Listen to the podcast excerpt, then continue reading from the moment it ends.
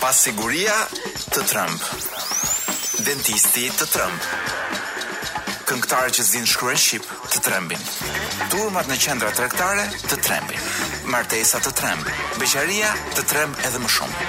Tabela kujdes shofer i ri të tremb.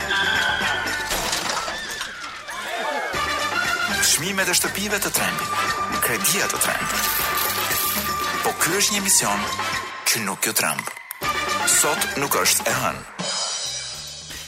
Mua edhe ambasadorja amerikane më tremb. Kam vënë re madje që këtë lloj sentimenti, këtë lloj ndjesie e kanë një pjesë e madhe e shqiptarëve tani, por ndoshta jo të gjithë shqiptarët. Nuk jam shumë i sigurt për ndjenjat e atyre që votojnë Ramën sepse ë edhe sikur djallin të kishin në krah dhe t'i mbronte, ë nuk besoj do flisnin një fjalë të keqe për djallin. Madje edhe sikur Hitleri, po themi të ndihmonte që të fitonte Rama, nuk besoj se ata do shqetësoheshin që po i ndihmon Hitleri. Kështu që nuk jam shumë i sigurt për ndjesitë e tyre karshi ambasadores amerikane, por pjesa tjetër, po themi njerëz deri diku të shëndetshëm, nuk po flas për fanatikët e PD-s, janë të shqetësuar për nivelin e lartë të ndërhyrjes së një ambasadori apo ambasadoreje në jetën e brendshme të një vendi dhe madje edhe brenda jetës së një partie të vetme. Kështu që sentimentin e kemi thuajse të përbashkët. Unë fakt nuk jam i inatosur me ambasadoren, unë kam thjesht një ndjesi pështirosje, por jo ndaj politikave amerikane dhe të ambasadës amerikane, e kam këtë ndjesi ndaj vetes tonë. Sepse unë mendoj që duke e kapur inatin me ambasadoren, po sillemi përsëri si një komb foshnjarak dhe i papërgjegjshëm, sepse duhet të shohim brenda vetes tonë. Ambasadorët janë të tillë sepse ne ua kemi dhënë këtë mundësi. Sepse këta njerëz që ne i votojmë në mënyrë të përsëritur prej 30 vjetësh nuk bëjnë gjë tjetër, vetëm janë disa kalamaj të poshtër, të cilët zihen për pushtetin, Po zihen si punë kalamajsh. Unë nuk të flas me gojë, unë të çaj kokën me gur e të tjera të tjera. Dhe si gjithë kalamajt shkojnë tek një njeri çik më i madh për t'u ankuar. Pra gjithë këta njerëz që na rrethojnë, edhe ai Berisha juaj, edhe ai Basha juaj, sidomos ai Rama juaj. Po edhe këta pisirrugët çik më të vegjël Medirat, Velirat e ku di unë se çfarë. Braçerat. Ë, ku di unë. ndoshta përjashtim Tom Doshi që nuk e qasin në ambasadë, por gjithë këta të tjerët herë pas herë shkojnë dhe derdhin nga një lot para ambasadorit. Dhe thonë ai më bëri kështu, ky më bëri ashtu. Mezi presin të shkojnë në Amerikë dhe të qahen për shqiptarët e tjerë sepse këta kalamaj të poshtër që na qeverisin nuk kanë ndërtuar një sistem politik eh, me të cilin eh, të mund të zgjidhin realisht problemet e këtij vendi.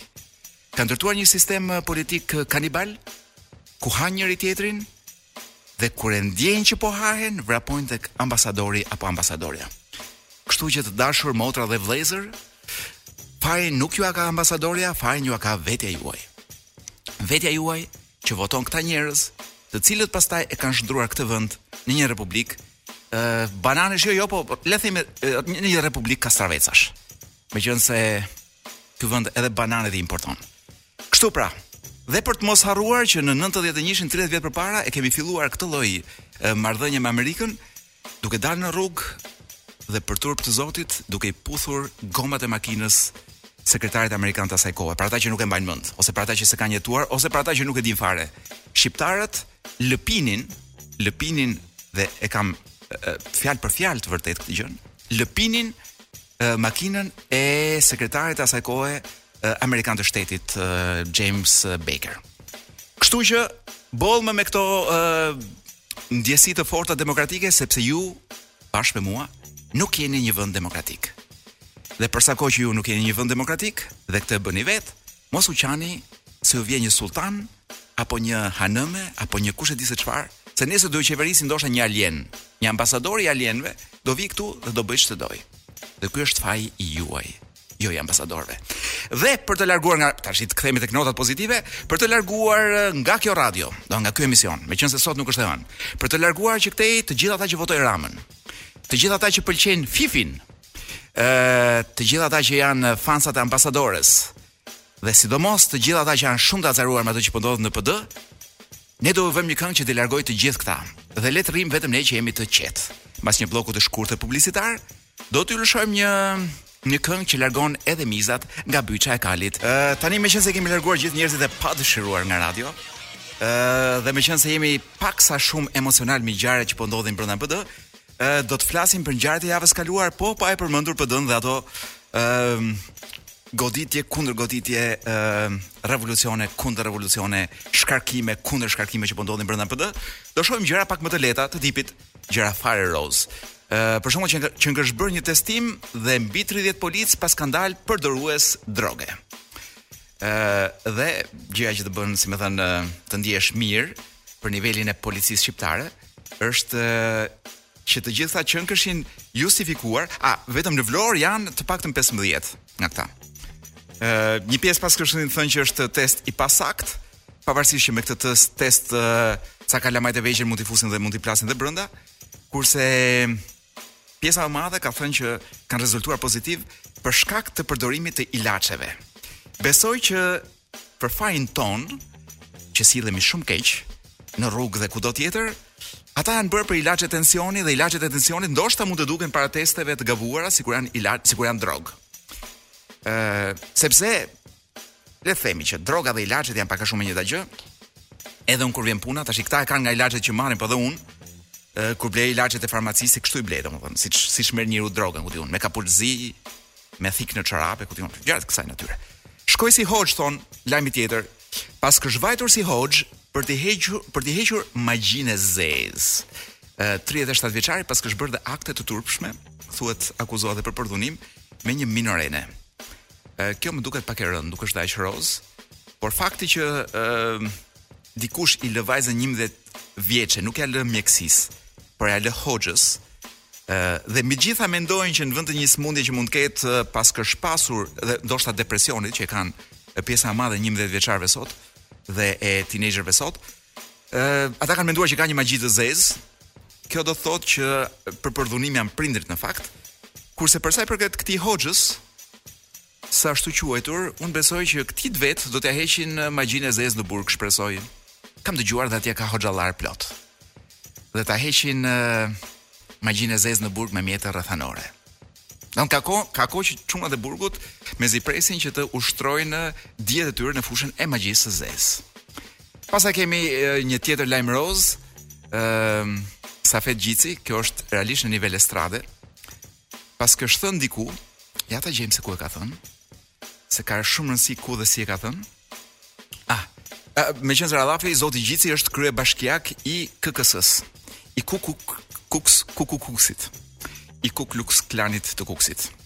Ë, pra ky ka thënë që në disa lagje të Kuksit ka bërë një investim aq të madh saqë nuk e gjen as në Gjermani.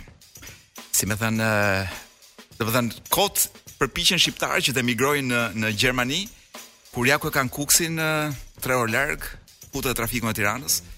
Ë pra ka 2 vjet dhe ka bërë Kuksin më mirë sesa Gjermania. Un parashikoj që G7-a do të bëhet tashmë G8 me futjen edhe të Kuksit në grup. Kemi pastaj diçka tjetër që ju me siguri e keni ndjekur në rrjetet sociale, një audio, po nuk e kemi audion për momentin. edhe pse ishte kështu si me pull të kuqe, ku një deputete e PS-së në vend që thoshte Green Pass, gabimisht tha Green Pras. Dhe mua në fakt nuk e di pse DJ Wiz i shkoi mendja sikur kishte të bënte me Green Prasin, ë uh, që e bëjmë dhe gjellë nganjëherë. ë uh, ca veta e hanë të prerë, ca veta jo. ë uh, mua më shkoi mua m'u duk më tepër si emri një grupi muzikor nga ata të grupet muzikore shqiptare të fillimit të viteve 2000. Ne seç kishim një tendencë për emra në atë kohë. Spirit Voice, Green Pras, ku di unë. Uh, një lajm tjetër, jo dhe aq i këndshëm, në gjithë botën numër rekord i gazetarëve të burgosur, 293. Unë them që me çik përpjekje gjithë këto vendet mike tonat, duke filluar nga Turqia, Serbia etj etj. Unë them që gjithë këto vendet mike tonat me pak më shumë përpjekje Mund t'ia dalim që të kemi një gazetar të burgosur në ditë. Për fatin e keq Shqipëria nuk ka asnjë gazetar të burgosur sepse nuk ka nevojë të burgosë njeri. Ë, sepse kanë shtënë në dorë gazetarinë. Pra, kanë vrarë gazetarinë dhe nuk kanë nevojë të vrasin gazetarë, siç më ka thënë një pedagog i vjetër i gazetarisë. Dhe për ta mbyllur, ë, indeksi global i sigurisë shëndetësore, Shqipëria paskësh bërë hapa pas, kujt ia merrte mendja, një vend ku kemi bërë regres. një një një lajm i papritur, eh, madje që nga- që është rritur edhe rreziku për Shqipërinë. Gjithmonë flas për eh, sigurinë shëndetësore. Dhe ku di unë.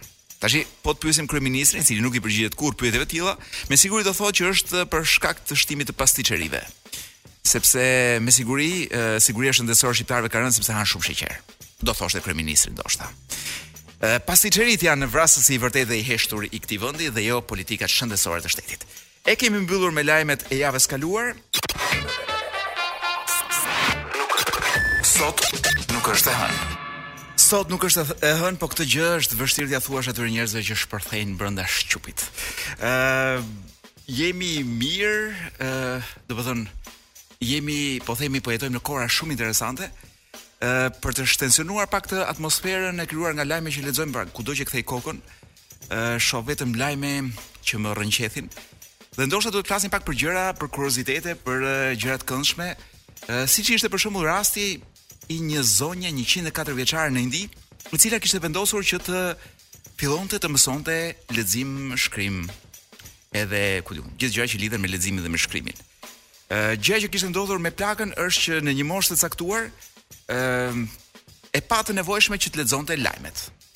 Pra, ë pikërisht kur ne të tjerët po përpiqemi të shkëputemi nga lajmet dhe mos lexojmë lajme, zonja tha, zonja indiane, nga një nga këto provincat e Indisë, vendosi që të mësonte të lexonte sepse donte patjetër të dinte se ç'po ndodhte nëpër botë. Unë nuk do ta kisha këshilluar, Por e kush jam unë që t'i them 104 vjeçare që ka parë çdo gjë në këtë botë, se çfarë duhet apo nuk duhet të bëjë? Ka filluar të mësojë shkrim dhe këndim dhe shumë shpejt do mund ta lexojë gazetën vetë. Një nga motivuesit më të mëdhenj të saj kanë qenë me siguri ë stërnipat apo stërmbesat, të cilët sapo shihnin gjyshen me gazetë në dorë, fshiheshin sepse me siguri i bënte t'i lexonin gazetën kështu për orë të tëra. E pastaj vim tek ajo batuta që këta fillonin me ndërzimin artificial dhe përfundonin tek orizoret në Kinë. E gjitha kjo për t'ju çtensionuar pak, pra ka njerëz që edhe në moshën e brishtë 104 vjeçare vendosin të bëjnë një gjë të bukur për veten e tyre. Gjë që nuk e shoh ta bëjnë kalamajt e sotëm apo adoleshentët e sotëm, të cilët përfundimisht po e vrasin shqipen. Ë, por gjithmonë duke mbajtur këtë tempin pozitiv të gjërave, mund t'ju them që keni diçka të bukur me të cilën ë mund të argëtoheni dhe kjo është një vizitë në faqen e Wizz Air-it, dhe këtu kemi nisur një mesazh promocional. Wizz Air-i ka filluar të rekrutojë, kërkon djem dhe vajza energjikë për t'i bërë që të fluturojnë lart e poshtë. Mjafton të futeni në Wizz Air uh, slash career dhe ju mund gjeni gjithin uh, pra gjithë informacionet që ju duhen për të uh, aplikuar edhe për të gjetur një vend pune me kushte shumë të mira thotë uh, pranë kompanisë Wizz Air. Ne kemi kohë që i bëjmë reklamë Wizz Air-it me DJ Wizin pa na paguar, po më në fund erdhi rasti që të na paguajnë për një reklamë. Ë uh, ju këshilloj shumë që të shkoni edhe për të thyer hundët kryeministrit i cili thotë ë uh, Shqipëria është një vend plot me dembelë. Kështu që meqense bëhet fjalë për një punë kaq të bukur edhe do fluturoni gjithë kohën, do njihni njerëz pa fund, edhe do keni atë fatin që pak njerëz e kanë, të jetoni çik në Shqipëri, po më shumë jashtë Shqipërisë. Ndoshta është një shans i mirë për ju dhe një mundësi e mirë për ju që të aplikoni pranë Wizz Air-it. Ja ta shoh edhe një herë se mos ju kam informuar keq. Ë, uh, po, wizzair.com/career. Car e er. Po të klikoni këtu, ë uh, mund të lini një takim dhe të filloni procedurat e rekrutimit pranë Wizz Air. Mbaron mesazhi promocional Dhe dua t'ju lëshoj një këngë. Është e këtij viti. Kjo vajza është në mos gabohem është kanadeze, Allison Russell. Uh, albumin e kësaj të këtij viti e kishte vlerësuar si një nga albumet më të mira të vitit edhe New York Times-i. Mua më pëlqeu nga gjithë albumi një këngë që ka ia ka kushtuar qytetit të vet të lindjes. Një këngë që unë dyshoj që dikush më do mund t'ia kushtonte apo t'ia këndonte Tiranës, po Montrealit është dikush që ia këndon. Allison Russell. Numri orbital të tremb. Të tremb. Po ky është një emision që nuk ju tremb. Sot nuk është e hënë. Dhe do flasim jo për gjëra që të trembin, por për gjëra që të eksitojnë. Kam në duar një libër. Ë që nga kopertina është ë pra duke prekur kopertinën e tij, ë seç të vjen një si lloj ndjesie kështu. Ë madje po të ishte Tupja këtu në studio do thoshte është si lëkura e një vashëze ë 17 vjeçare, që është mbi pra është brenda ligjit ë, edhe Tupja këtu. Ë kam librin e Virgjil Muçit, Të titulluar Fajin ma ka gjuha. Pra që nga titulli seç ka diçka erotike edhe edhe libri. Ë Virgjil Muçin e kam njohur personalisht, e kam takuar vetëm një herë dhe më ka bërë një përshtypje të jashtëzakonshme si person. Ë e kam takuar një herë në Beograd kur ku ai ishte, besoj se është akoma, zëvendës ambasador ose diçka e tillë i Shqipërisë. Dhe unë shkoja me atë informacion që kemi ne këtu për ambasadorët që janë përgjithsisht janë përgjithsisht qoka politikanësh. Në shumë vende kemi dëgjuar historira për kalamaj të përkëdhelur, të cilët i përdorin mjetet e ambasadës për të bërë qefe në vende të caktuara të perëndimit. Një luftë e madhe thuhet bëhet për të kapur këto vendet e e qefit edhe të luksit. Por Virgjili ishte ajo që një ambasador duhet ishte dhe këtë e them me me me gjithë shpirt, ishte një njeri i cili punonte për Shqipërinë, mos me ta marr mendja. Pra një njeri që nuk bën pall në ambasadë, nuk përpiqet të ku di unë të bëj të gjej biznese, të marrë biznese andej të sjelli këtë të bëj para, ca të tjerë në ca vende të tjera merren me viza, tregtira vizash, ku di unë. Jo, Virgjili përpiqej që të zbuste tensionet mes Shqipërisë edhe Serbisë. Dhe më kujtohet një moment që ishte shumë i shqetësuar me një nga këto institucionet tona, nuk po them se cili, se nuk dua ta vë në siklet shkretin, sepse një institucion në në Serbi i kërkonte bashkëpunim me një institucion homolog shqiptar Dhe shqiptarët nuk donin t'ia dinin. Pra shqiptarët nuk kthenin përgjigje emaileve zyrtare të zëvendës ambasadorit. Njeri i jashtëzakonshëm që punon për Shqipërinë dhe kështu duhet të ishin gjithë ambasadorët, siç thashë them dhe nuk më ka paguar njeri për të bërë reklamë për Gjilin. Se Gjili ë uh, jeton vetëm me rrogën e shtetit që nuk i del as për të nuk i del për të ngrënë më shumë se një herë jashtë, se një herë në javë jashtë ambasadës. Atje ku është. Ka bërë dhe një libër sepse është shkrimtar, është pjesë e triptikut, fajin ma ka gjuha. Është një botim i shtëpisë botuese A Editions. Besoj se lexohet A Editions. Ë uh, ju mund të të informoni mbi këtë shtëpi botuese në www.aeditions.al, sepse kishte libra të tjerë që mund t'ju interesojnë. Por libri është një zhanër jo shumë i rrahur në shqip. Është uh, një libër fantastik dhe epik bashkë. Pra ka edhe legjendë, Po ka edhe gjëra prej Batmani, kështu e kuptoj unë të paktën. Do lexoj shumë pak nga libri, o, ose mund t'ju lexoj përmbajtje një herë nuk e di pse po për shembull lexoj rrëmbimi i nimfomanes dhe shpëtimi i saj i mahnitshëm. Mos më thuaj DJ Wiz që këtu nuk ka diçka erotike. Apo mjeku i dashuruar dhe ëngjëlli i vdekjes. Gruaja besnike, unë besoj që këtu Bëhet fjalë për të kundërtën. Ë uh, misteri i Portekës. Ç'të jetë Porteka? Ë uh, Koria e trëndafilave pa aromë. Po them mrekullira ka këtu brenda. Ë uh, po hap një faqe rastisht. Hmm, Gruaja besnike titullohet uh, titullohet ky tregim, do lexoj shumë pak meqense botuesi ka bërë të qartë që nuk lejohet as edhe në radio të lexohen të riprodhohen pjesë nga ky libër, kështu që do lexoj shumë pak. Ëm, ehm, çfarë kemi këtu po? Edhe çasti i shumëpritur uh, Jo prit, nuk do filloj të lexoj këtu Prit, po filloj këtu Dera e dhomës u mbyll pas shpinës së çiftit.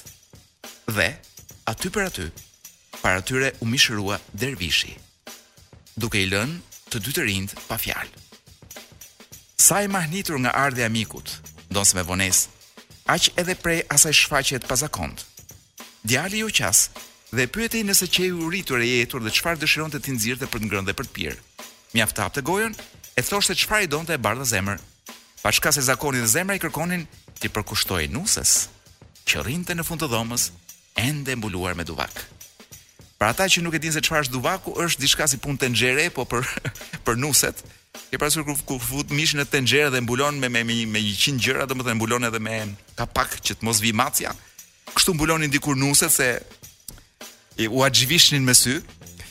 Ë, pra ishte kjo nuse atje, e lamë nusen aty me ë e mbuluar ende me duvak nata e parë e dasmës, dhëndrit i ka ardhur dervishi në dhomë dhe vazhdoj të lexoj.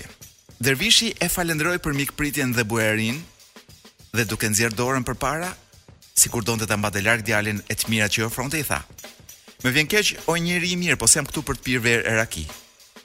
A të kujtohet çfarë thashë atë ditë që u poqëm te kroi? Mortja nuk do të të prekte as me majën e gishtit.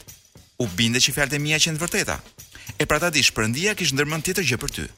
Ndërsa sonte i Gjithëfuqishmi më urdhëroi të vij e të të marr shpirtin. Dhëndrit iu prenë gjunjët dhe u ul te këmbët e shtratit. Meit në fytyrë e i hidhëruar sa s'kallëzohet me fjalë i tha dervishit. Më thuaj o njeri i shenjtë, a nuk është mkat t'ia marrësh jetën njeriut në një çast si ky?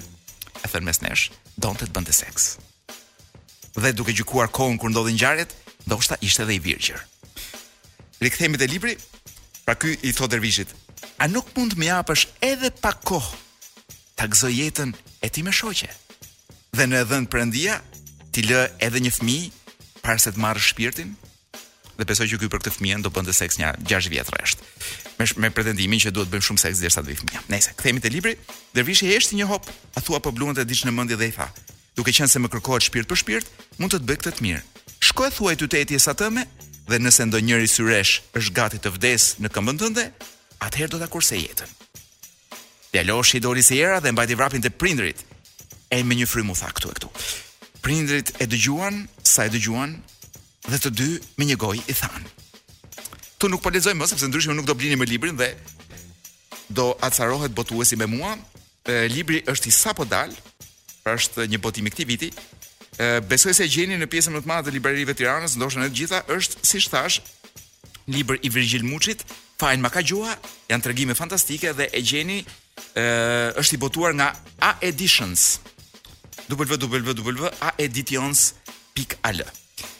E mbyllëm dhe me librin. Ky është një emision që vërtet nuk ju tremb, por ka ca lajme që edhe të trembin pak. Gjeni se kush është zgjedhur dhe sapo doli lajmi, Ëh, njeriu i vitit nga revista Time. Revista Time mund mos jetë më në majën ku ka qenë dikur, po prap ka një gjë që gjithë bota me një lloj kurioziteti e pret gjithmonë dhe ky është personi i vitit.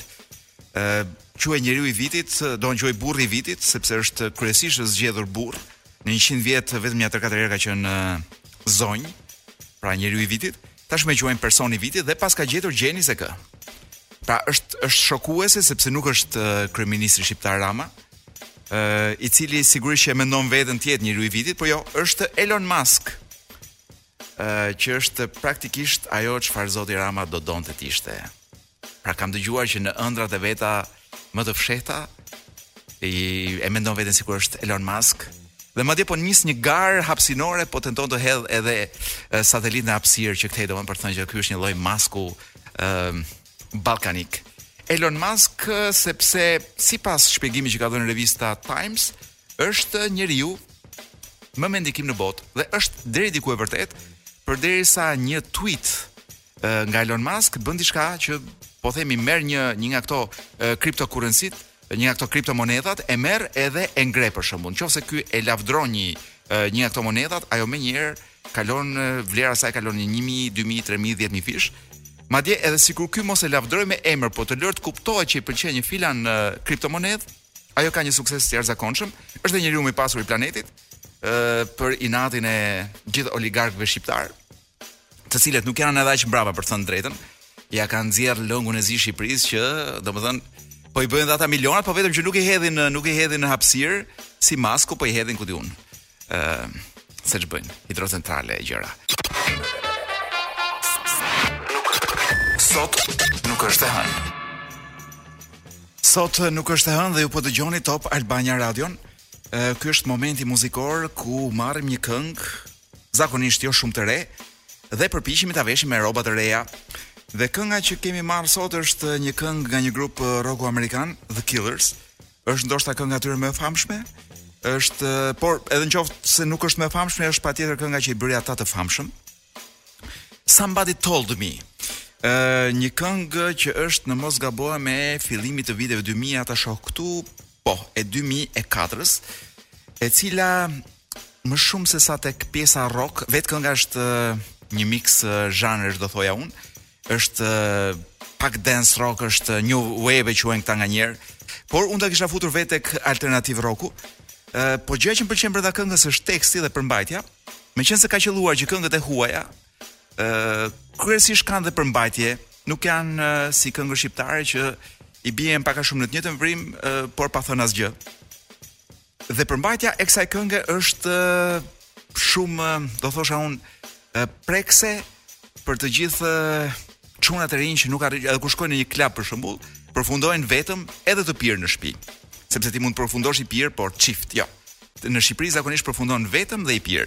Ë, përveç rastit kur ke vendosur të flesh nga një shok që unë nuk e këshilloj në rastet kur edhe pini. Sepse i pirë tek një shok, ë ku di unë, njëra gjë sjell tjetrën dhe pastaj zgjohesh me dhimbje të nesërmen në mëngjes. Pra është historia e një djali i cili shkon në klub dhe nuk arrin dot të gjejë një vajzë ë me të cilën të ndërtojë një marrëdhënie në klub, për aq sa mund të quhet marrëdhënie, dhe në fund të largohet bashkë me të i lumtur nga lokali, ku di unë, për t'u puthur dhe për të vazhduar dhe për të bërë ato gjërat e tjera, që zakonisht bën bota ë kur mbaron jetën e natës E kështu që ne e quajmë kjo jeta jonë e natës është gjithmonë pa happy end në pjesën më të madhe të rasteve. Ë përveç se kur ti ke një palë çelsa makine që janë shumë të rënda dhe kur i hedh mbi tavolinë nuk ka vajzë që të thotë jo. Gjithmonë për klubet e natës së Shqipërisë. Ë të cilat vazhdojnë edhe sot e kësaj dite pavarësisht ndalim qarkullimit të vazhdojnë këndshëm edhe të pashqetësuar një pjesë e tyre jetën edhe mbas orës 11 me dyer të mbyllura. Kështu pra kjo kënga që po thonim është pikërisht kënga një djali që vuan këtë lloj marrëdhënie, Somebody Told Me. Është do thoja un është një këngë e kompozuar nga gjithë grupi dhe do doja t'jua kisha sjell nga nga një nga një ver, në një version alternativ, pra jo nga grupi origjinal dhe ndërmjet atyre pak artistëve që kanë rikënduar, un zgjodha versionin nga Maneskin. Ë të cilin do ta dëgjoni pikërisht tani. Është pak seksi, seksiste vende vende, po ç'rëndësi ka në fund fundit. Brenda këngës më pëlqen sidomos basi. Këta ishin Maneskin dhe basi këtu është kjo goca, Victoria De Angelis. Ë dhe si thash, basi më duket pjesa më e bukur e gjithë këngës. E përcollëm Maneskin me Somebody Told Me dhe tani do të flasim për kjo është ora e DJ Wizit, pra momenti i DJ Wizit, sepse flasim për seksin. Tani unë do t'ju them një gjë që nuk është dhe aq shumë seksuale, Po kështu do ta hapim lojën. Ë uh, po lexoja një intervistë dhe më tha brenda intervistës pra ky robi thoshte, e, në fakt po e dëgjoja në podcast dhe ky njeriu thoshte ë e kam qafën cop cop. Pothuajse të thyer. Dhe kur e dëgjon si fjali mund të duket sikur e ka thënë ku di un, Andi Lila ose ndoshta Klodiana Shala, edhe pse kam përshtypjen që është shumë e shkathët për të dhe shumë e zonja për të thyer qafën. Po kjo fjalia që kam qafën të thyer dhe të sakatuar dhe kam pickuar dhe një nerv në C6, dhe kam e, e, një nga vertebrat që më ka dal nga vendi, këtë fjali e thoshte në këtë podcastin që dëgjoja unë, e thoshte një pornostare. Një pornostare Adriana Çeçik. E pash nuk është në gustet e mia, mund të jetë në gustet e DJ Wizit, nuk kemi pasur mundësi akoma të konsultojmë këtë pjesë.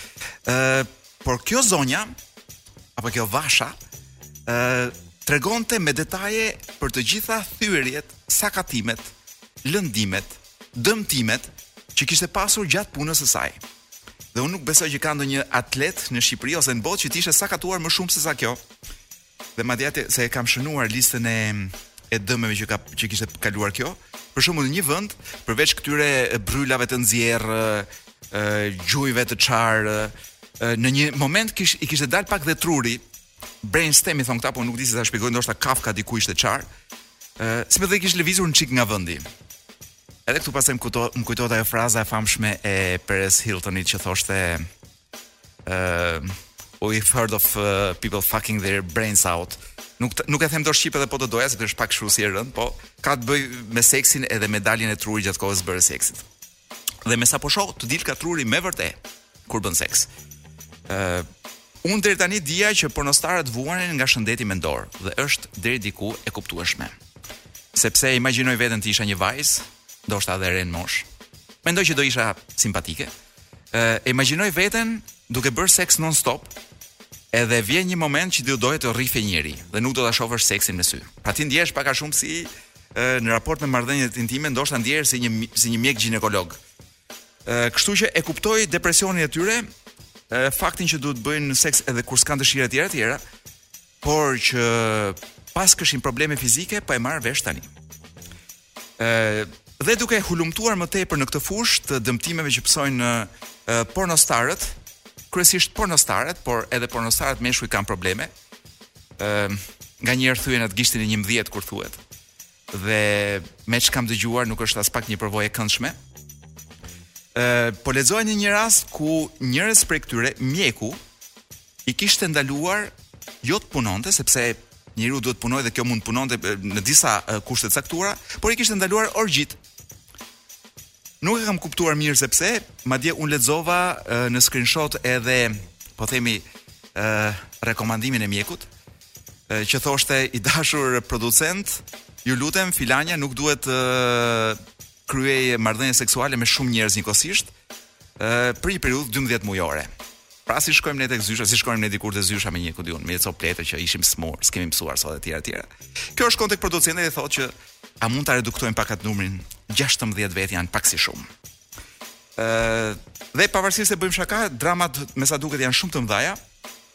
Ë njëra nga këto thotë që ë ka thyer shtyllën kurrizore një nga këto vajzat gjatë marrëdhënies seksuale dhe ka këshilla speciale se si një pornostar dhe këtu rikthehem dhe shoh DJ Wizin që herë mas herë ka një ëndërr që të lërë çdo gjë domethënë dhe të jepet mas artit të nëntë, të 69, siç është edhe arti i pornostarizmit.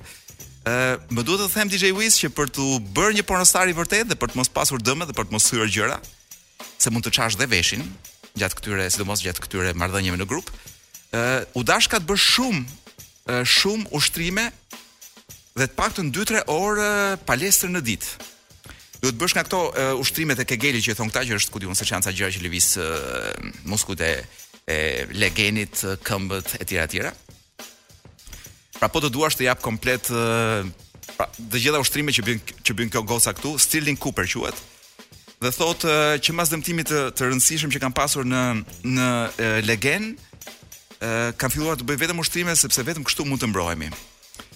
Pra, kemi këtu një listë të tërë me ushtrime, kush është i interesuar, mund ta postojmë edhe në rrjetet tona sociale. Ashtu de. Një mi kegelsa në ditë u dashkan bërë. Seç janë kegelsat, duhet të shkoni dhe ta kërkoni vetë. Uh, është pothuajse si keçi, pra të jesh pornostar nuk është më një gëzim aq i madh sa ç'na duket kur jemi në tavolinën pra duke në tavolinë duke pirë kafe. Imagjinoje veten po në tavolinë duke bërë seks dhe do kuptoni sa e rrezikshme që është. E mbyllim me orën e seksit, DJ Wizi ta sjelli dikush në pult sepse është larguar në ankth e sipër. Këta ishin Colapesce dhe Dimartino e dëgjuat në Top Albania Radio dhe besoj e keni dëgjuar për herë të parë në Top Albania Radio. Dhe është një këngë që sa herë e dëgjoj jam unë dhe një person tjetër në këtë qytet ë që kur e dëgjojmë themi ah, kjo është kënga jonë. Ë është një këngë saç është e butë dhe e dashur, por është është një si, si një smundje e butë. Një këngë që në fakt flet për depresionin atë gropën e errët që është aty dhe që shkak, e ka shkaktuar pandemia tek një pjesë e madhe e njerëzve. Një gropë të cilës së gjithë të gjithë ne përpiqemi t'i kalojmë kështu anash pa parë, domethënë andej. Sepse ku i dihet dhe mund të rrëshkasësh. Ë Musica leggerissima. E përcollëm. Do doja në fakt të flisja ose kisha menduar që mund të flisja për kryeministrin dhe për thagmet e tij. Po kjo muzika që kaloi është shumë e bukur për ta për ta bërë pis me gjëra alla rameska. Kështu që po flas për diçka tjetër. Ë dhe pse mos flasim për pengjet që kanë njerëzit përpara se të vdesin. Në një artikull shumë të gjatë ë të botuar në Atlantik, mos gaboj, po lexoja ë edhe Pjesë e artikullit ishte edhe një intervistë e një infermere të vjetër, e cila punonte pranë këtyre shtëpive të njerëzve që janë në moshë të thyer dhe janë që shkojnë atje si me thënë për të mbyllur jetën. Dhe gjatë 10, 15, 20 viteve që kish punuar atje, kjo kish marrë shënim, pra kishte shënuar, kish majtur një ditar për të gjitha bisedat që bënte dhe për të gjitha pengjet që pacientët e kësaj kishin përpara se të vdisnin. Dhe unë thashë t'i ndaj pak me ju se ndoshta mua për shembull më pickuan diku në të gjashtë, le të themi. Dhe jo, më kujtua ndërkohë që diskutoja këtë, pra diskutohej kjo gjëja edhe aty ku isha, ë pra një këtë temë edhe në tavolinë, M'u kujtua edhe një frazë e Jean Claude Van Damme që thoshte kam bërë shumë gjëra në këtë jetë, kam bërë gjëra të mira, kam bërë gjëra të çmendura. Dhe e vetmja gjë që nuk jam pishman janë gjërat e çmendura. Dhe me sa duket kjo është edhe një nga pishmanet e njerëzve. Një pjesë e madhe kanë pishman faktin që kanë bërë një jetë krejt të rëndomtë. Më bëri shumë përshtypje fakti që një pjesë e tyre paskan pishmanllëk faktin që kishin fëmijë, pra që kishin bërë fëmijë. Ë dikush dhe po citoj nga intervistat e, apo shënimet e marra nga kjo infermiera, dikush i kishte thënë që unë i dua shumë fëmijët e mi, por do kisha dashur të mos i kisha bërë. Sigurisht që ajo bota andej është një botë pak më ndryshe, ë fëmijët jo rrallë, piqen, ikin nga shtëpia, ë kur ti plakesh të fusin në një nga ato shtëpitë e pleqve etj etj. Domethënë nuk është ndoshta ai fëmija tradicional shqiptar që rri me prindin e, e kështu me radhë. Por fakti që dikush është pishman që ka bërë fëmijë më duket shumë interesant për t'u për t'u bluajtur edhe ndoshta për t'u diskutuar dhe nëpër tavolina.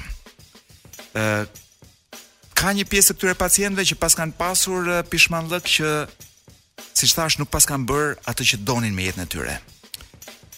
Pra njerëz të cilët ose kanë jetuar jetën e tyre në shërbim të dikujt, po themi një grua që martohet dhe gjithë jeta e saj është t'i bëjë për të ngrënë burrit, të lajë kalamajtë, të përcjelli kalamajtë, ë uh, t'u bëjë prapë për të ngrënë, t'i vërë në gjumë, ë uh, të shkojë të bëjë pazarin, të lajë rrobat e këtyre pra një cikël i vazhdueshëm, Ku kjo është një lavatriçe ose është një guzhinjere ose është gjithmonë një mekanizëm që punon, po nuk është kurrë një njeri që rritet për veten e vet dhe bën jetën e vet.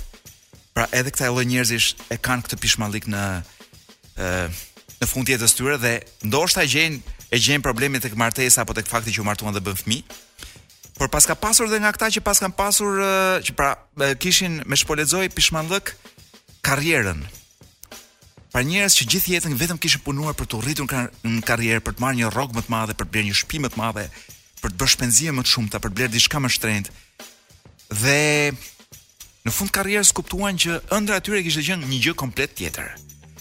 Pra ti ke ëndrrën të jesh një DJ Wiz, dhe përfundon që bëhesh një Zamir Mane, po themi. Pra gjithmonë ke dashur të jesh një DJ, po përfundon që bëhesh një biznesmen. Në fund të jetës thua, po ç'desha që u bëra biznesmen? Dhe përveç streseve dhe gjithë këtyre gjërave, ku t'i çoj tani këto lekët? E kështu me radhë.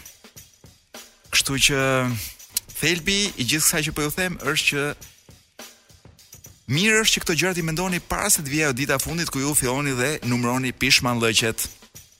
Dhe gjëja kryesore është që të bësh pra të punosh atë gjë që ty të pëlqen. Pra pasionin në vend të karrierës, qejfet në vend të parave. Kaq. E dhamë dhe mesazhin për sot. Le të shpresojmë që nga një DJ Wiz nesër të kemi dy, Pasnesër katër dhe mbas eh, disa kohësh të kemi dhjetra DJ Wiz në këtë qytet. Pra të kemi njerëz që duan të bëjnë muzikë, të merren me muzikën, të bëjnë qejf dhe jo njerëz që mendojnë se si të bëjnë para. Këta ishin ë Therapy uh, me Moment of Clarity e dëgjuat në Top Albania Radio. Jam në dilemë se për çfarë të flas. Kam një lloj kështu pickimi nga brenda që të flas për ku di unë, për një artikull të Arlind Qorit ku thotë uh, Ku ngre një pyetje, pse gjithmonë pse kurrë zoti Berisha nuk e orienton në thonjza revolucionin e tij drejt përmbysjes së sistemit politik apo të të sistemit ekonomik në fakt që është e keqja më e madhe e këtij vendi. ë por gjithmonë i drejtohet godinave. ë më tundon pak të flas edhe për një shkrim të para disa ditëve të Blendi Kajsiut, që identifikonte tre kategori tek njerëzit që janë shumë të emocionuar nga foltoret. Dhe por në fund të fundit thashë po pse? Pse t'ju ngarkoj dhe unë më shumë me gjëra që e di që një pjesë prej jush ndoshta dhe nuk, domethënë ju ngacmojnë shumë sa nuk ju lënë as të flini të qetë natën. Kështu që do flasim kur të jemi më të qetë dhe të përpiqemi ta shohim më të ftohtë. Unë do thoja që është e mirë, do më mirë do ishte që të jemi të të ftohtë për të parë situatën dhe mos të rrëmbehemi nga ëndrra apo nga dëshira apo nga shpresa që mund të jenë edhe të rreme. Do t'ju flas për Sex and the City pra. Domethënë, nuk do flas për ato gjërat, do flas për Sex and the City dhe DJ Wizi më ka lënë kohë sa kohë më ke lënë? Fol sa të duash thotë. Më ngre tre gishta përpjetë si serbët. Liri, vëllazëri, barazi, po. Paskam 3 minuta m'i hoqi, më hoqi edhe 1 minutë më duket. Do flas shumë shkurt atëherë, po del seriali i ri i Sex and the City. Domethënë seriali kult i viteve 90. Mu më kujtohet që shumë grupe vajzash në Tiranë, sidomos kur ishin katër shoqe, ë uh, gjithmonë e modelonin veten ose përpiqeshin brenda grupit të tyre të gjenin se kush është njëra dhe kush është tjetra, sipas atyre katër shoqeve njujorkeze të Sex and the City. Edhe filmat Një sukses, filmat ishin shumë ordinerë për mua, por një sukses i jashtëzakonshëm mes uh, audiencës femrore, sepse flitet për seksin dhe nuk flitet për qytetin, por flitet për seksin dhe për vajzat e qytetit.